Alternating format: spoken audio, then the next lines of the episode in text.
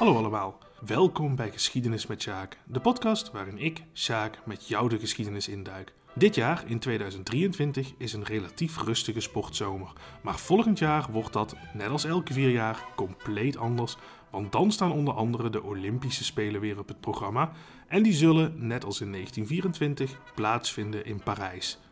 De moderne Spelen zijn voor het eerst gehouden in 1896, maar zoals velen van jullie zullen weten, zijn de Spelen ooit ontstaan in het oude Griekenland. En die Spelen staan in deze aflevering centraal.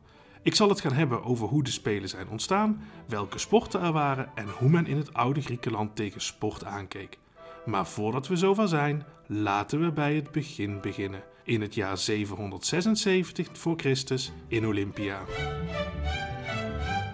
Nou, het jaar 776 voor Christus is naar het schijnt het jaar waarin de eerste Olympische Spelen in het oude Griekenland gehouden werden. Of althans, dat is het eerste jaar waarvan we weten dat ze hebben plaatsgevonden, omdat van dat jaar de winnaars en een aantal deelnemers bekend zijn en van eerdere jaren niet. Ook de bekende filosoof Aristoteles die noemde 776 voor Christus als startjaar voor de Spelen, al noemde hij dat natuurlijk niet letterlijk 776 voor Christus, want toen Aristoteles leefde, toen bestond het concept voor Christus nog niet. Hier moet wel bijgezegd worden dat veel historici twijfelen aan de authenticiteit van de deelnemerslijsten uit de eerste eeuwen na de start van de Spelen. Zij denken dat die lijsten wellicht later opgesteld zijn en nou ja, in dat geval zouden de Spelen dus van een later jaartal dateren. Maar goed, het zou ook net zo goed kunnen dat er al voor 776 Spelen gehouden werden. Uh, ik kom daar zo nog eventjes op terug. Ik hou voor het gemak tijdens deze aflevering even gewoon 776 als beginpunt van de Olympische Spelen Spelen in het oude Griekenland aan. Nou, die Spelen die werden om de vier jaar gehouden en die vonden plaats in het plaatsje Olympia.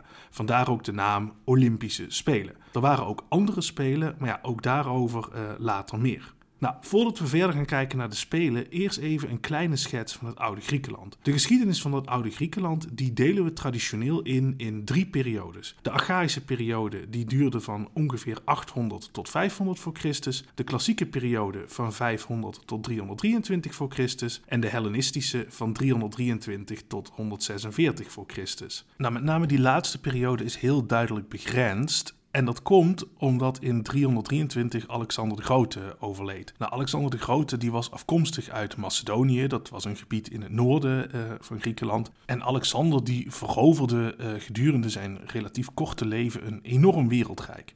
Nou, dat is wellicht iets voor een andere keer. Maar wat voor nu uh, vooral van belang is, is dat de vader van Alexander de Grote in 338 voor Christus heel Griekenland veroverd had. En dat was in die zin bijzonder, omdat zo'n politieke eenheid die Griekenland daarmee werd, daarvoor eigenlijk, uh, ja, dat daar geen sprake van was. Want in de Archaïsche en klassieke periode was Griekenland niet één land, maar bestond eigenlijk uit talloze steden en het daaromliggende gebied, zogenaamde stadstaten of polijs genoemd. Nou, die situatie die kon ontstaan vanwege de aard van het land. Hè. Griekenland dat wordt doorsneden door allerlei natuurlijke barrières, zoals gebergten en zeeën. En daardoor was het bijzonder lastig voor één stad, een koning of een andersoortig vorst om heel Griekenland uh, in te nemen en uh, te controleren. Nou, de meeste van die polijs die hadden een omvang van ongeveer 50 tot 100 vierkante kilometer. En uh, bekende stadstaten, dat waren bijvoorbeeld Korinthe, Thebe, Argos. En de twee grootste, dat waren ook de meest bekende, namelijk Athene en Sparta. Nou, die polijs die voerden onderling handel met elkaar en vaak natuurlijk ook oorlogen. Griekenland was dus op dat moment eh, nadrukkelijk geen politieke eenheid, maar het was wel een culturele eenheid. De Grieken spraken bijvoorbeeld allemaal ongeveer dezelfde taal en ze geloofden ook in dezelfde goden. En een ander onderdeel hiervan, dat waren de Spelen in Olympia en op andere plaatsen. Nou, over het ontstaan van de Olympische Spelen deden allerlei mythische verhalen de ronde. De Griekse aardrijkskundige en schrijver Pausanias bijvoorbeeld, die stelde in de tweede eeuw na Christus dat de Spelen ontstaan waren omdat vijf dactylen, dat waren een soort demonen, hardloopwedstrijden hielden in Olympia toen de oppergod Zeus net geboren was. En nou ja, om die baby Zeus te entertainen, gingen ze dus maar hardlopen. Nou, de winnaar die zou van Zeus een krans hebben gekregen die gemaakt was van olijftakken. Onthoud dat even.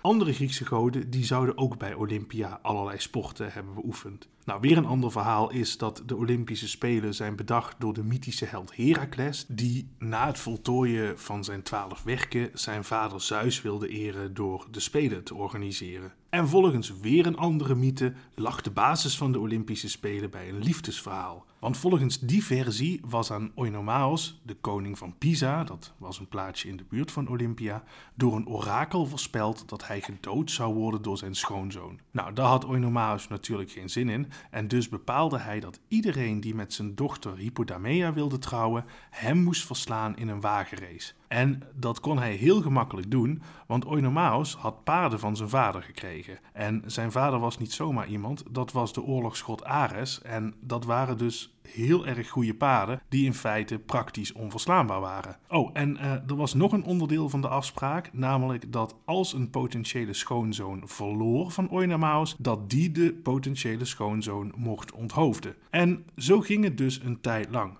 Twaalf huwelijkskandidaten kwamen en twaalf verloren en verloren dus ook hun hoofd, totdat op een dag de held Pelops langskwam. En toen Hippodamea Pelops zag, werd ze meteen verliefd. En samen smeden ze een plannetje om Pelops te laten winnen. Hij liet namelijk de assen van de wagen van Oinomaos vervangen door assen van was. En toen de race gehouden werd, toen ging natuurlijk de wagen van Oinomaos er razendsnel vandoor, maar door de zon smolten de assen na verloop van tijd, waardoor de wagen van de koning in elkaar stortte. Pelops won en koning Oinomaos stierf. En om de gevallen koning te eren, liet Pelops wagenrennen organiseren en daaruit groeide dan uiteindelijk de Olympische Spelen. Er is overigens ook een versie van dit verhaal waarin Pelops zelf de koning in een ravijn gooit, maar goed, eh, dat terzijde. Nou, dit zijn drie ontstaansmythes over de Olympische Spelen. Er waren er nog veel meer. Maar zoals gezegd, het jaar 776 voor Christus wordt over het algemeen als startmoment uh, genomen. Dat wil overigens niet zeggen dat er daarvoor geen sportevenementen werden gehouden. Want dat was in veel gebieden al veel langer gemeengoed. In Mesopotamië bijvoorbeeld, daar werden sportwedstrijden gehouden. En er zijn bijvoorbeeld ook afbeeldingen van wedstrijden gevonden in de tombes van Egyptische farao's. En ook in Griekenland bestond er al een lange traditie van sport. In de Ilias bijvoorbeeld, het boek van eh, Homerus over de Trojaanse oorlog, die zou hebben plaatsgevonden in de 13e of 12e eeuw voor Christus. Daarin wordt gesproken over onder andere hardloopwedstrijden en bokswedstrijden. Nou, een aanwijzing dat er ook in Olympia voor 776 al wedstrijden waren, dat vormt het verhaal van koning Iphitos. Tijdens de Dorische invasies, die duurden van ongeveer 1200 tot 800 voor Christus, waren Noord-Griekse stammen, de Doriërs, de rest van het land binnengevallen en die hadden op veel plekken de oorspronkelijke bevolking verjaagd. Uitzondering hierop, dat waren Athene en een deel van de Peloponnesos. Dat is het schiereiland dat aan het vasteland van Griekenland vastzit. Nou, op die laatste plek ontstond een mengvorm van oorspronkelijke bevolking en nieuwkomers. En er wordt over gesproken altijd van de Dorische invasies, maar of dat ook echt zo was, is eigenlijk heel erg onduidelijk. Er is namelijk vooral heel erg veel onbekend over deze periode en er is een grote kans dat er ja, eigenlijk meer sprake was van migratie dan dat het een daadwerkelijke invasie was. Maar goed, dat even terzijde. Volgens het verhaal zocht koning Iphitos naar een manier om de verschillende volkeren en polijs weer in vrede met elkaar te laten leven en daarom zocht hij raad bij het orakel van Delphi. En dat orakel raadde hem aan om de Olympische Spelen nieuw leven in te blazen en af te kondigen dat tijdens de Spelen vrede moest heersen tussen de stadstaten. Nou goed, Iphitos die heeft zich gehouden aan de woorden van het orakel en heeft de Spelen opnieuw ingesteld. De Olympische vrede die werd hierbij ook officieel vastgelegd en dat gebeurde op een grote bronzen schijf die te zien was in Olympia in de tempel van Hera. Nou, die schijf is verloren gegaan, maar in elk geval in de tweede eeuw na Christus was hij er nog, want toen beschreef de al eerder genoemde Pausanias uh,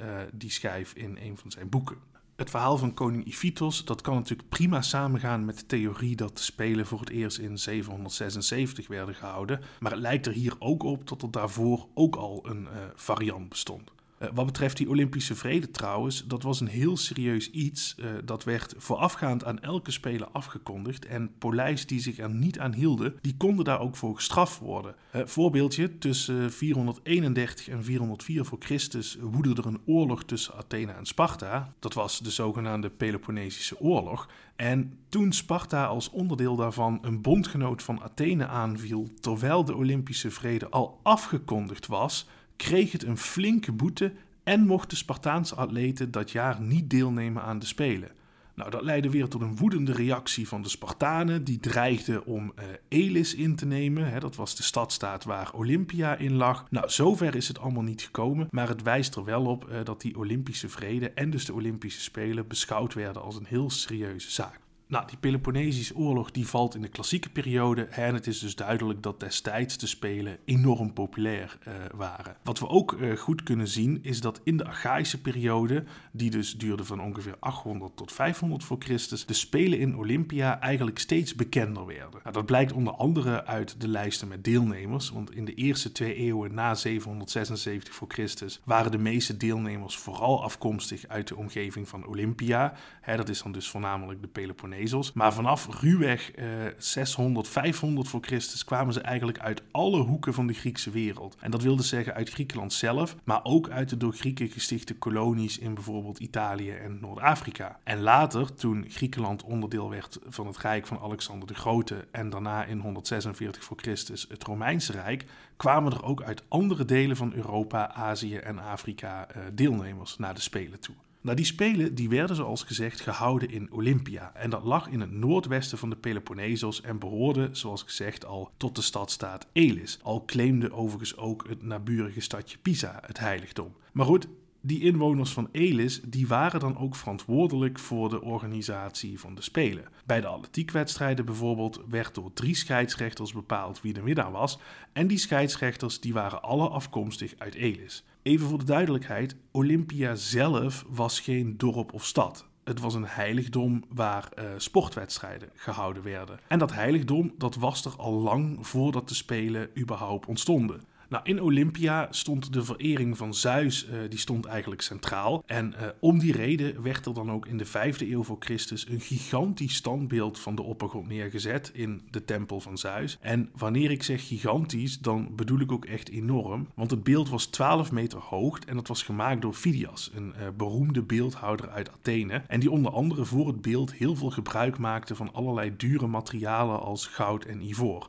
In de oudheid werd het beeld beschouwd als een van de zeven wereldwonderen. En nou ja, dat zegt denk ik wel uh, genoeg. Een duidelijker voorbeeld van de status die Olympia en de Spelen in elk geval uh, in de vijfde eeuw dus hadden, kun je eigenlijk ook niet hebben natuurlijk. Nou, die Spelen uh, in Olympia, die waren zoals al gezegd zeker niet de enige Spelen in Griekenland, maar ze waren wel de belangrijkste. Dat blijkt onder andere uit het feit dat atleten in hun erelijsten altijd in overwinningen in Olympia als eerste noemden. De Olympische Spelen die vormden samen met de Spelen in Nemea, Delphi en Korinthe de zogenaamde periodos. Dat waren de vier belangrijkste sportwedstrijden in het oude Griekenland. En deze wedstrijden die waren zo georganiseerd en op elkaar afgestemd dat elk jaar een andere was en dat ze elkaar qua planning niet in de weg zaten.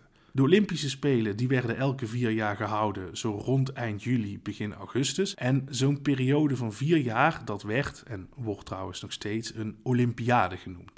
Nou, in jaar 1 van zo'n Olympiade, als dus ook de Olympische Spelen waren, dan stonden in het voorjaar van dat jaar ook de Isthmische Spelen op het programma. Dat zijn de Spelen bij Korinthe. In het tweede jaar werden de Nemeïsche Spelen gehouden. In het derde opnieuw de Isthmische Spelen in het voorjaar. En dan de Pythische Spelen in het najaar. De Pythische Spelen, dat waren de Spelen die bij Delphi georganiseerd werden. En genoemd waren naar het orakel aldaar, de Pythia. En in het vierde en laatste jaar van een Olympiade stonden de Nemeïsche Spelen nogmaals op het programma. De Spelen in Nemea en bij Korinthe die werden dus één keer per twee jaar gehouden. De Olympische en de Pythische Spelen die stonden één keer per vier jaar op het programma. Maar ze zaten elkaar dus nooit in de weg eh, qua planning. Maar goed, zoals gezegd maakte dit soort spelen in de Archaïsche periode een enorme bloei door, zeker vanaf de 6e eeuw voor Christus. En dat blijkt onder andere uit de herkomst van de deelnemers, zoals ik net al zei, maar ook bijvoorbeeld uit de enorme groei van het aantal toernooien, het ontstaan van de gewoonte om sportieve prestaties vast te leggen in de vorm van bijvoorbeeld standbeelden of beeldhouwwerken, en dat rond deze tijd ook de eerste specifiek voor sport bedoelde bouwwerken werden gebouwd, oftewel stadions.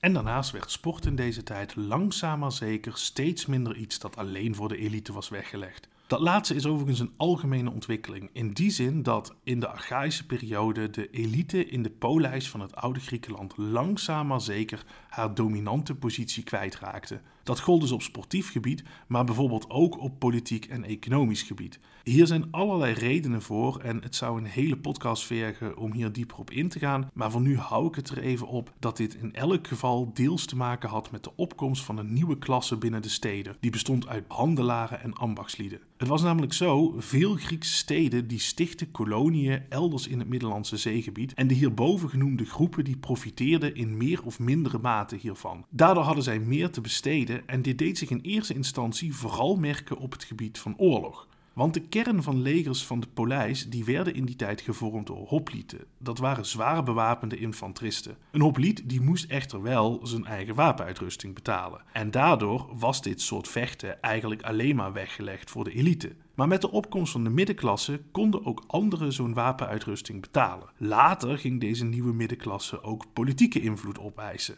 Eenzelfde ontwikkeling was zichtbaar op sportief gebied. Om deel te nemen aan toernooien moest iemand natuurlijk ten eerste heel veel trainen, maar daarnaast ook heel veel vrije tijd hebben. Om deel te nemen aan de Olympische Spelen was je inclusief reizen al gauw anderhalve maand kwijt. Dus om die tijd voor zowel trainen als wedstrijden te hebben, moest een atleet over voldoende financiële middelen beschikken. Nou, dat gold in eerste instantie natuurlijk alleen voor de elite, maar met de opkomst van de middenklasse konden meer mensen dit doen. Nou, ik probeer nu in een paar zinnen een ontwikkeling van enkele eeuwen te omschrijven. De werkelijkheid die ligt natuurlijk wel wat gecompliceerder en genuanceerder dan ik hier nu zeg, maar in grote trekken komt het hier wel uh, op neer.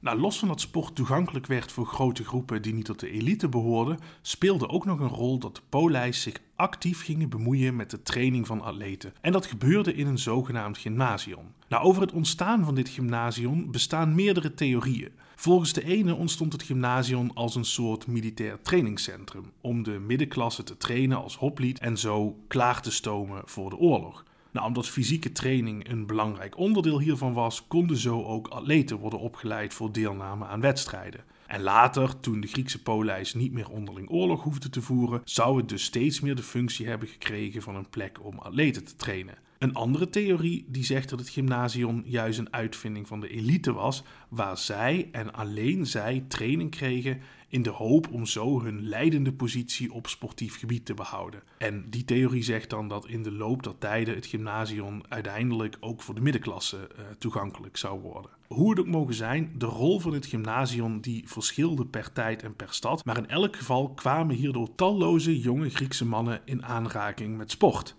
zelfs al was dat misschien in eerste instantie niet het hoofddoel van het gymnasium. Nou, dat de bestuurders van Polijs deze trainingen belangrijk vonden, dat blijkt ook wel uit het feit dat trainers vaak door stadsbesturen werden aangesteld en soms zelfs ook betaald werden uh, door stadsbesturen. Deelname aan zo'n gymnasium, dat was overigens zeker niet gratis en het lijken dan ook voornamelijk jongens uit de middenklasse en de elite te zijn geweest die gebruik konden maken van zo'n uh, gymnasium. Nou, atleten die uitblonken op een gymnasium, die werden vervolgens naar sportwedstrijden en toernooien gestuurd. Eerst in de buurt, maar later, als ze goed genoeg waren, konden ze ook meedoen aan de Olympische Spelen. Nou, die Olympische Spelen, hoe zagen die er dan uit? Nou, dat is een vraag die niet eenduidig te beantwoorden is, om de simpele reden dat de Spelen er in 300 na Christus heel anders uitzagen uh, dan in 750 voor Christus. Dus hou dat wel een beetje in gedachten hier dat ik een algemene omschrijving geef. Nou, wat in ieder geval wel opmerkelijk is, uh, is dat de nadruk bij de Olympische Spelen in het oude Griekenland lag bij individuele sporten. Dat was ook zo bij uh, de andere sporttoernooien overigens. Uh, teamsporten die hebben nooit een plek gekregen op de Olympische Spelen. Wel werden er soms uh, op de gymnasia estafettewedstrijden gehouden. Er waren ook wel toernooien waarbij een zogenaamde fakkelrace onderdeel was van het openen van dat toernooi. Een fakkelrace dat hield eigenlijk in dat verschillende teams in een soort estafettevorm tegen elkaar opnamen terwijl ze een fakkel met vuur droegen en die aan elkaar overgaven. En het team dat dan als eerste bij de finish kwam, dat mocht het vuur op het altaar voor de god ter ere van wie de Spelen georganiseerd werden ontsteken. Nou, deze wedstrijden die vormden onderdeel van de opening van veel toernooien, maar waren dus geen officieel onderdeel. In Olympia stonden ze helemaal niet op het programma. Wel zijn die fakkelraces uh, de inspiratie geweest voor het Olympische vuur zoals we dat nu kennen. Maar goed, eh, de Olympische Spelen aan zich die duurden slechts vijf dagen. En in die vijf dagen vonden alle sporten plaats. Nou, welke sporten dat waren, daar kom ik zo op. In de eerste eeuwen duurden de Spelen trouwens maar één of twee dagen. Uh, en naarmate er meer sporten bij kwamen, werden de Spelen logischerwijs ook langer. De deelnemers die werden overigens wel geacht al ruim van tevoren aanwezig te zijn, namelijk een maand. Als je later dan uh, het afgesproken tijdstip kwam, dan mocht je simpelweg niet meedoen.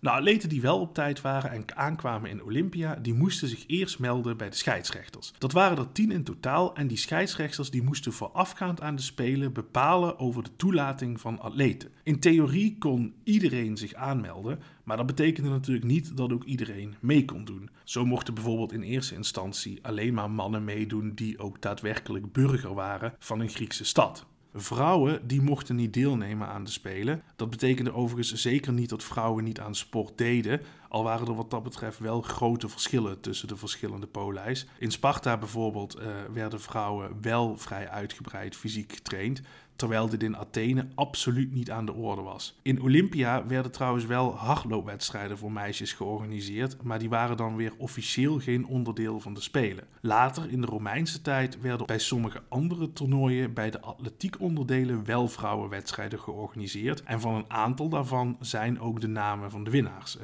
bekend. Maar ja, in het algemeen was het wel zo dat mannen en vrouwen in het oude Griekenland helaas niet elkaars gelijken waren. Niet op sportief gebied, maar ook op andere terreinen niet. Gelukkig is dat tegenwoordig wel anders. Nou, als de toelating geregeld was, dan werden de atleten in leeftijdscategorieën ingedeeld. Nou, tegenwoordig worden atleten ingedeeld op basis van bijvoorbeeld gewicht, maar bij de oude Grieken ging dat op leeftijd. Het ding was natuurlijk, die leeftijd, dat was in feite natuurlijk niet te controleren. Dus eigenlijk kwam het erop neer dat de juryleden een beslissing namen op basis van het uiterlijk en het fysiek van een atleet. De verschillende leeftijdscategorieën die er waren, ja, die verschilden ook weer per tijd en per plaats. Maar in Olympia waren er uiteindelijk in principe twee categorieën. De jongens, daarin werden de 12 tot 18-jarigen ingedeeld, en de volwassenen, en dat was dan voor iedereen die boven de 18 was. Nou, nadat de indeling was gemaakt, trainden de atleten de rest van de maand in Olympia onder supervisie van de scheidsrechters. En op basis daarvan konden die scheidsrechters nog besluiten om atleten te verwijderen als ze dachten dat iemand niet goed genoeg was.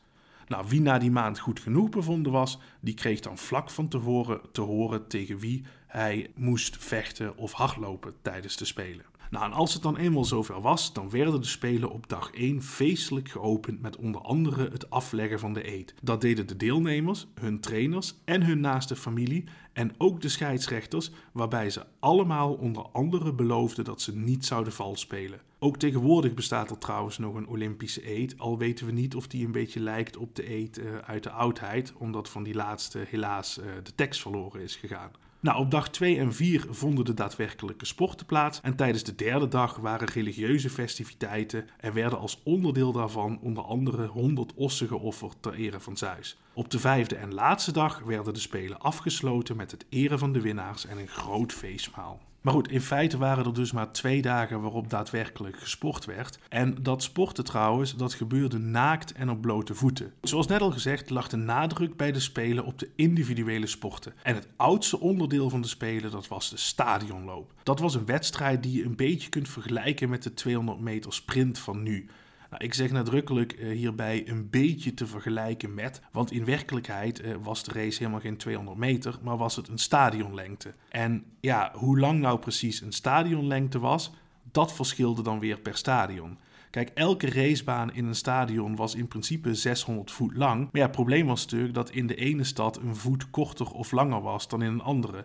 Ter illustratie, in Olympia liepen de atleten een afstand van 192 meter, maar in Delphi was dit 177 meter. Nou, de meeste banen die waren trouwens tussen de 180 en 190 meter lang, dus enorm groot waren de verschillen ook weer niet. Nou, de lopers die moesten bij de stadionlopen tegen elkaar opnemen en liepen daarbij in een rechte lijn, in een eigen baan. En nou ja, dat ging dus eigenlijk hetzelfde als dat dat nu gaat. Hoeveel banen er dan weer waren, dat varieerde dan weer per stadion, omdat ook de breedte van de banen per stadion verschillend was. Wie in welke baan mocht starten, dat werd bepaald door loting. En de startlijn, dat was een gegroefde marmeren balk. En op Instagram en Facebook kun je hier een plaatje uh, van zien. Later werd trouwens een heel ingenieus systeem van allerlei touwen en katrollen gebruikt om ervoor te zorgen dat iedereen gelijk uh, startte.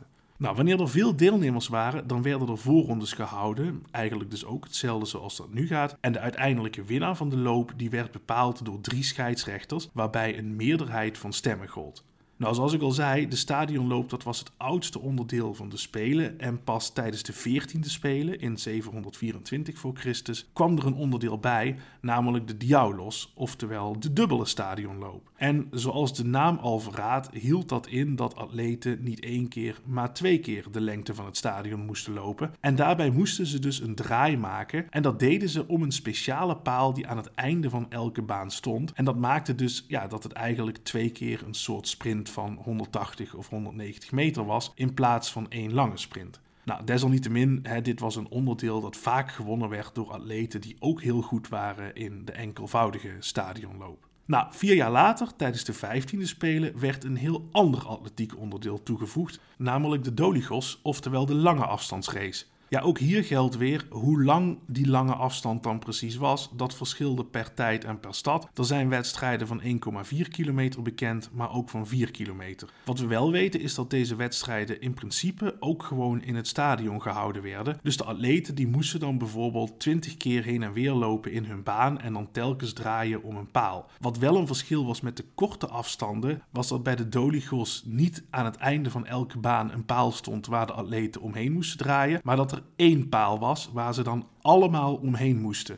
Nou, je kunt je wel voorstellen dat dat natuurlijk tot enorm uh, duw- en trekwerk leidde. En ja, dat was natuurlijk ontzettend spannend voor het publiek uh, om dat te zien. Uh, dat betekende overigens niet dat er geen regels waren, want als een sporter te ver ging, hè, bijvoorbeeld door zijn tegenstander te laten struikelen of iets dergelijks, in dat geval waren de straffen bepaald niet mals, want de scheidsrechters die waren uitgerust met een zweep en sporters die de regels overtraden, die kregen ter plekke met de zweep, terwijl de race dus nog bezig was. Nou, het laatste zogezegd renonderdeel dat op het programma stond, dat verschilde ook van de andere drie, want dat was namelijk de hoplietenloop. Deze werd pas in 520 aan de Spelen toegevoegd en hierbij renden de atleten niet naakt, maar met een helm op, beenbeschermers aan en een schild in de hand. En daarmee, dat was in totaal 6 kilo, moesten ze twee keer de lengte van het stadion rennen het is eigenlijk ja, een beetje een curieus onderdeel vergeleken met de andere sporten die op het programma stonden. En eigenlijk is het eigenlijk een heel mooi voorbeeld van hoe in de Griekse wereld destijds sport en militaire training met elkaar verenigd waren. Deze hoplietenloop die werd trouwens wel naarmate dat de tijd vorderde steeds minder populair. En men denkt dat dat waarschijnlijk ermee te maken heeft omdat Griekenland uiteindelijk eh, in 146 voor Christus onderdeel werd van het Romeinse Rijk. En dat de poleis dus daarna eigenlijk geen eigen legers meer nodig hadden. Nou, het laatste onderdeel van wat dan de zogenaamde lichte sporten waren, dat was de vijfkamp, die in 708 voor Christus aan de Spelen werd toegevoegd. De vijfkamp, die de naam zegt het al, uh, bestond uit vijf onderdelen: verspringen, de dubbele stadionloop, discuswerpen, speerwerpen en worstelen. Verspringen, speerwerpen en discuswerpen, dat zijn dus nooit afzonderlijke onderdelen op de Spelen geweest. Nou, we weten niet in welke volgorde de onderdelen werden afgewerkt, maar wat we wel weten is hoe de winnaar bepaald werd. Dat was namelijk diegene die als eerste drie onderdelen uh, had gewonnen. Wat er gebeurde als geen van de deelnemers drie onderdelen won, ja, dat is dan helaas weer onbekend. Nou, in hetzelfde jaar als de vijfkamp werd toegevoegd, kwam ook het onderdeel worstelen erbij. Uiteindelijk zouden er drie vechtsporten op het programma staan op te spelen, waarvan worstelen met afstand de minst gewelddadige was. Wat overigens niet wil zeggen dat het pijnloos was, want het kwam bijvoorbeeld regelmatig voor dat er uh, vingers werden gebroken. Bij het worstelen namen twee atleten het tegen elkaar op en de bedoeling was om de tegenstander drie keer de grond te laten aanraken met schouder, rug of knieën. Nou, zoals gezegd werden atleten op de Spelen ingedeeld op basis van leeftijd en niet bijvoorbeeld naar gewicht. En daardoor was het onderdeel worstelen eigenlijk alleen maar weggelegd voor zwaargewichten, dus echt grote, sterke mannen. En datzelfde gold voor bijvoorbeeld het boksen. Dat is natuurlijk niet echt verrassend, uh, maar toch, dat ging er behoorlijk hard aan toe. Het bloed, dat vloeide vaak rijkelijk en dat kwam ook omdat de boksers hun handen vaak omwonden met harde leren banden om zo harder te kunnen slaan. Men had trouwens niet wat we tegenwoordig hebben, het concept van verschillende rondes. Een gevecht duurde simpelweg zo lang als dat het duurde, totdat ofwel een van de twee vechters knock-out ging of opgaf, of dat beide boksers akkoord gingen met een gelijk spel.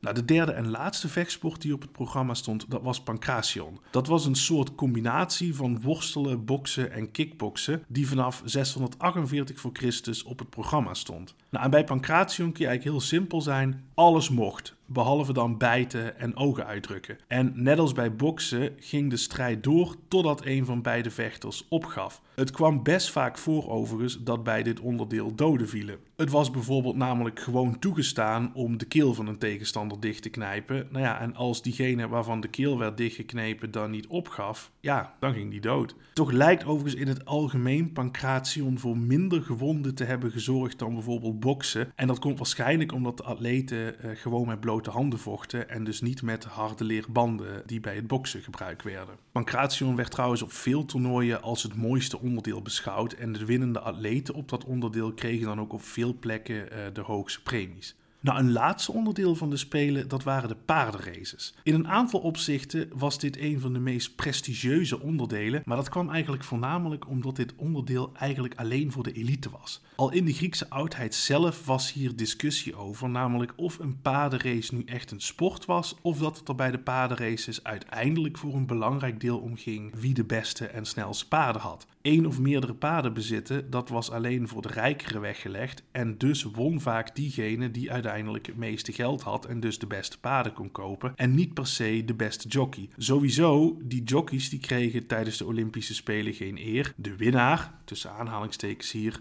uh, van de paardenrennen, die werd bijgeschreven in de annalen. Dat was de eigenaar van de paarden. Terwijl die dus zelf vaak helemaal niks gedaan had, behalve betaald. Het was zelfs mogelijk om met meerdere teams mee te doen. De Atheense staatsman uh, Alcibiades bijvoorbeeld, die deed ooit een keer schijnbaar mee met zeven teams en won daarmee de eerste, tweede en de derde of vierde plek. De winnaar, dus zijnde de financier van uh, de paarden, dat kon overigens in dit geval wel gewoon een vrouw zijn.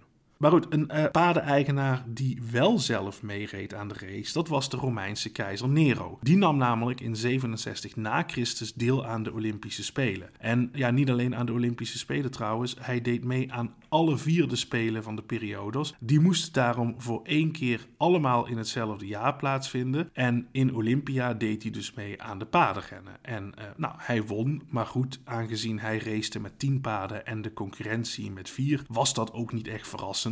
Hij schijnt zelfs twee keer gevallen te zijn tijdens de race en eigenlijk ook niet de finishlijn te hebben gehaald. Maar ja, niemand durfde het aan om de keizer niet tot winnaar uit te roepen. En Nero won dat jaar overigens ook de Olympische muziekwedstrijd. Zo'n muziekwedstrijd, uh, dat was bij veel andere toernooien een standaard onderdeel van de Spelen, maar in Olympia was dat niet zo. Maar ja, omdat de keizer het wou, maakte de organisatie voor één keer een uitzondering. En uh, goh, nou ja, zoals gezegd, de keizer won ook meteen. Nou, sporters die eerste werden op de Olympische Spelen, die werden beloond met een krans gemaakt van olijfbladen. En denk hierbij even terug aan het begin, want dat was ook de prijs die Zeus volgens de mythe had gegeven aan de winnende dactylen. Nou, ook op de andere drie grote toernooien van de periodos kregen winnende atleten een krans, zij het dat die dan weer gemaakt waren van een ander materiaal. Nou, winnen op de Spelen leverde in principe geen financiële beloning op, tenminste niet op de Spelen zelf. Wel kregen atleten in hun thuisstad vaak een of andere vergoeding. Rond 600 voor Christus bijvoorbeeld kregen Atheense atleten die gewonnen hadden in Olympia een speciale beloningspremie van de stad. En ook in veel andere steden was dit. Steden die beschouwden het winnen van de Spelen als een enorme eer, niet alleen voor de atleet, maar ook voor de stad zelf. En steden vonden dat zo belangrijk dat het soms zelfs tot heuse transfers leiden.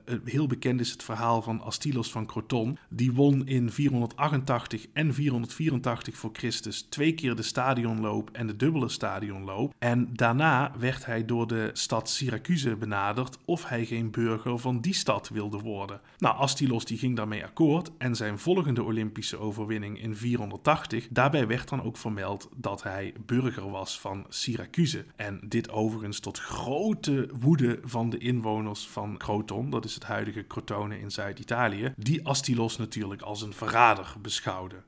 Nou, in veel steden kregen atleten naast een premie ook vaak een vaste toelage en allerlei andere privileges. In Athene bijvoorbeeld, daar mochten winnaars van de Spelen altijd gratis dineren in het stadhuis. En in veel andere steden waren bijvoorbeeld in de theaters of in de stadions uh, speciale plekken ingeruimd die voor uh, succesvolle atleten waren. Nou, sommige succesvolle atleten die hoefden daarna niet meer echt te werken, maar voor de meesten was dit alles natuurlijk niet genoeg om rond te komen. Gelukkig voor hen waren er in de klassieke en Heleense tijd honderden toernooien bijgekomen en daar waren er een heel aantal bij waar enorm goed geld mee verdiend kon worden. Voorbeeldje, sommige toernooien die betaalden de winnaars uh, 6000 drachma uit en dat was een bedrag dat gelijk stond aan meerdere jaarsalarissen voor bijvoorbeeld een uh, ambachtsman, dus hè, een timmerman, schoenmaker, uh, noem maar op. Nou, een andere manier waarop je als atleet geld kon verdienen, dat was door deel te nemen aan zogenaamde demonstratietoernooien. Daarbij moesten de atleten het tegen elkaar opnemen, niet als wedstrijd, maar meer gewoon als vermaak voor het publiek. Dit was bijvoorbeeld een geliefd pauzenummer in het Colosseum tussen de gladiatorengevechten uh, door. Er zijn overigens ook gevallen bekend die een beetje doen denken aan kermiskoersen zoals die bij het wielrennen zijn. Hè, waarbij de organisatie van een wedstrijd allerlei topwielrenners geld betaalt om aan de start te verschijnen. Dit soort dingen gebeurden ook in het oude Griekenland. Want beroemde en succesvolle sporters, dat waren uh, publiekstrekkers en dus ook gewilde deelnemers. Dus soms werd er grof geld aan atleten betaald om ergens aan de start te verschijnen. Nou, doordat er zoveel toernooien waren, konden sporters eigenlijk gedurende het hele jaar aan allerlei toernooien deelnemen. Dat deden ze voor de eer, maar natuurlijk ook gewoon uh, voor het geld. Al bleef wel altijd gelden dat de overwinningen op de Olympische Spelen of op een van de andere drie periodes het absolute hoogtepunt waren. Zelfs deelname daaraan werd door veel atleten op hun uh, palmares vermeld. Zo'n grote eer was het. Succesvolle atleten hadden bovendien veel status. Zo kwam het tijdens de Romeinse tijd voor dat beroemde atleten namens hun vaderstad naar Rome werden gestuurd om een gunst te vragen aan de keizer. Er bestonden overigens ook speciale verenigingen voor atleten die de belangen van de atleten behartigden, bijvoorbeeld als het ging om de organisatie van verschillende toernooien en het uitbetalen van prijsgelden.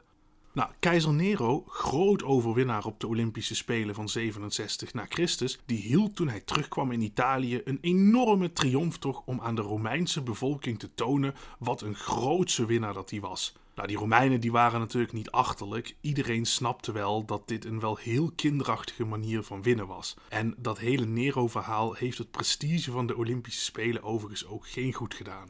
Toch zouden de Spelen nog enkele eeuwen populair blijven en hoe en waarom ze uiteindelijk ophielden is nog altijd voer voor discussie. De meest bekende theorie is dat de Romeinse keizer Theodosius I de Spelen verboden heeft in 393 na Christus. Theodosius was een christelijke keizer die het christendom als religie min of meer verplicht stelde en andere heidense religies en rituelen verbood. En aangezien de Olympische Spelen gehouden werden ter ere van Zeus, werden deze dus ook verboden. En dit is eigenlijk een heel simpele en, zo op het eerste gezicht, logische verklaring.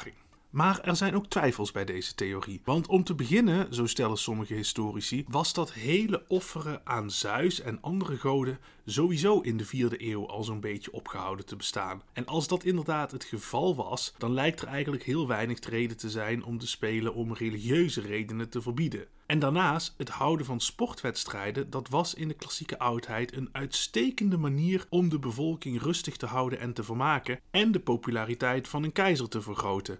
denk hierbij onder andere maar aan gladiatorengevechten. Dus om dan een sportwedstrijd als de Olympische Spelen te verbieden, lijkt niet per se een heel logische stap. Nou, een ander sterk argument is dat archeologische vondsten erop lijken te wijzen dat in ieder geval tot in de 5e eeuw in Olympia spelen werden georganiseerd. En ook enkele geschreven bronnen die melden dat de spelen ergens halverwege de 5e eeuw voor het laatst in Olympia gehouden werden tijdens de regering van Theodosius II.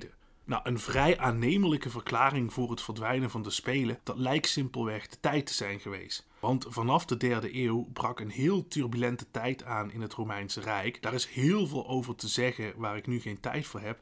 Maar onderdeel daarvan waren onder andere talloze oorlogen, zowel tussen allerlei concurrerende troonpretendenten als met binnenvallende volkeren. Daardoor nam de handel af, de veiligheid nam af, de economie kromp. Er was geen tijd en geld meer om sporters op te leiden en toernooien werden dus waarschijnlijk ook steeds lastiger om te organiseren. Mede ook omdat reizen steeds onveiliger hè? even naar Olympia reizen terwijl er allemaal oorlogen aan het woeden waren, dat werd simpelweg een stuk lastiger. En een duidelijk voorbeeld van de verminderde status van de Spelen, dat is het gegeven dat ergens tussen 420 en 430 na Christus het uh, beroemde beeld van Zeus, het wereldwonder, naar Constantinopel werd gebracht en vanaf toen dus niet meer in Olympia stond. De Olympische Spelen die verdwenen dus ergens in de vijfde eeuw waarschijnlijk. Ook op andere plekken verdwenen in de loop van de vierde en vijfde eeuw de sporttoernooien. De laatste grote spelen waarvan zeker is dat ze werden gehouden, die vonden in het jaar 520 plaats in Antiochië. En de Olympische Spelen, ja, die zouden pas meer dan 1400 jaar later terugkeren. Want in 1896 werden de eerste moderne Olympische Spelen georganiseerd. Toepasselijk genoeg in Athene. Maar dat is iets voor een andere keer. Mocht je nou meer over dit onderwerp willen weten, ik heb zelf heel veel gehad aan het boek Altijd de Beste van H.W. Pleket. Wat dat boek wat mij betreft heel leuk maakt, is dat er niet alleen heel veel informatie over sport in de Griekse wereld in staat, maar dat er ook talloze anekdotes over wedstrijden en atleten uh, beschreven worden. En dat maakt het eigenlijk een heel leuk boek om uh, te lezen. Goed, daarmee zijn we aan het einde gekomen van deze aflevering. Heel veel dank voor het luisteren en vond je dit een leuke aflevering? Vergeet dan niet je te abonneren. Daarnaast kun je me ook volgen op Instagram of op Facebook. Mocht je vragen of opmerkingen hebben of heb je zelf een suggestie voor een onderwerp, dan kun je me daar een DM sturen of een mailtje sturen naar geschiedenismetsjaak.outlook.com. Gewoon aan elkaar geschreven geschiedenismetsjaak.outlook.com. Voor nu nogmaals dank voor het luisteren en tot een volgende keer.